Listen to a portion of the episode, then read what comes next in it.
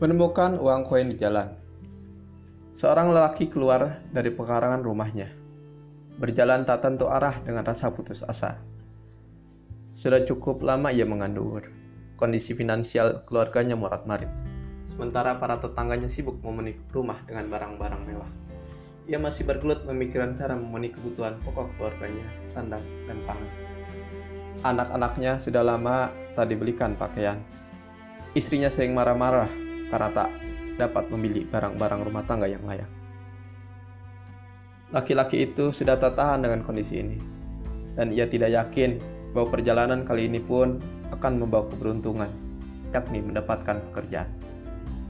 Ketika laki-laki itu tengah menyusuri jalanan sepi, tiba-tiba kakinya terantuk sesuatu.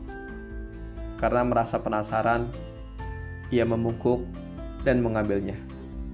Oh, hanya sebuah koin kuno yang sudah penyok-penyok. Gerutunya kecewa. Meskipun begitu, ia membawa koin itu ke sebuah bank. Sebaiknya koin ini Bapak bawa saja ke kolektor uang kuno, kata teller bank itu memberi saran. Laki itu pun mengikuti anjuran si teller dan membawa koinnya ke kolektor. Beruntung sekali, si kolektor menghargai koin itu senilai 300 ribu rupiah. Begitu senangnya, laki tersebut mulai memikirkan apa yang akan dia lakukan dengan rezeki nomplok ini. Ketika melewati sebuah toko perkakas, dilihatnya beberapa lembar kayu sedang diobral. Dia bisa membuatkan beberapa rak untuk istrinya, karena istrinya pernah berkata mereka tak punya tempat untuk menyimpan jambangan dan toples. Sesudah membeli kayu seharga 300 ribu, dia memukul kayu tersebut dan beranjak pulang. Di tengah perjalanan, dia melewati bengkel seorang pembuat mebel. Mata pemilik bengkel sudah terlihat melihat kayu yang dipanggul lelaki itu. Kayunya indah, warnanya bagus, dan mutunya terkenal.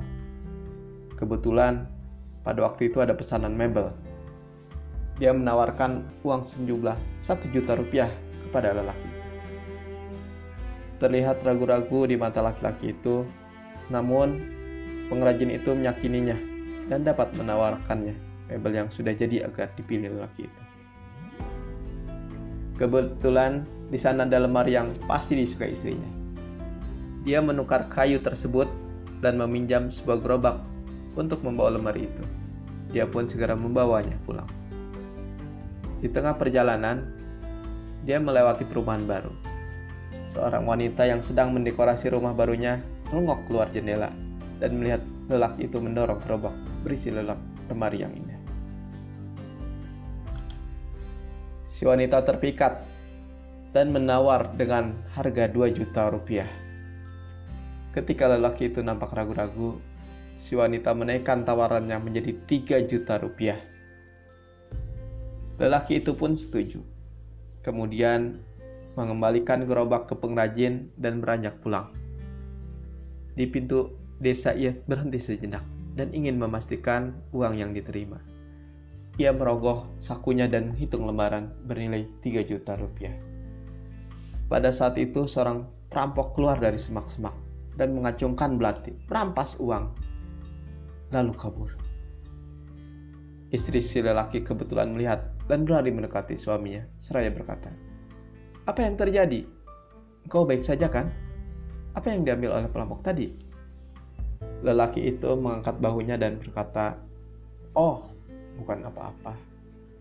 Hanya sebuah koin penyok yang ketemukan tadi pagi.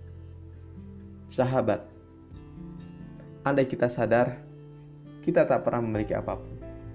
Kenapa harus tenggelam dalam kepedihan yang mendalam?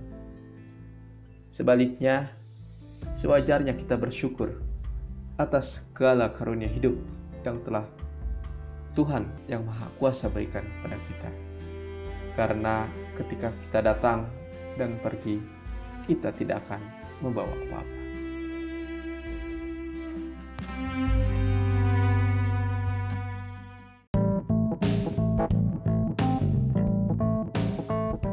Upin dan Ipin inilah dia. Kembali saya Upin biasa, Upin dan Ipin berbaktinya, Upin senang bisa betul, Upin dan Ipin selamanya. Di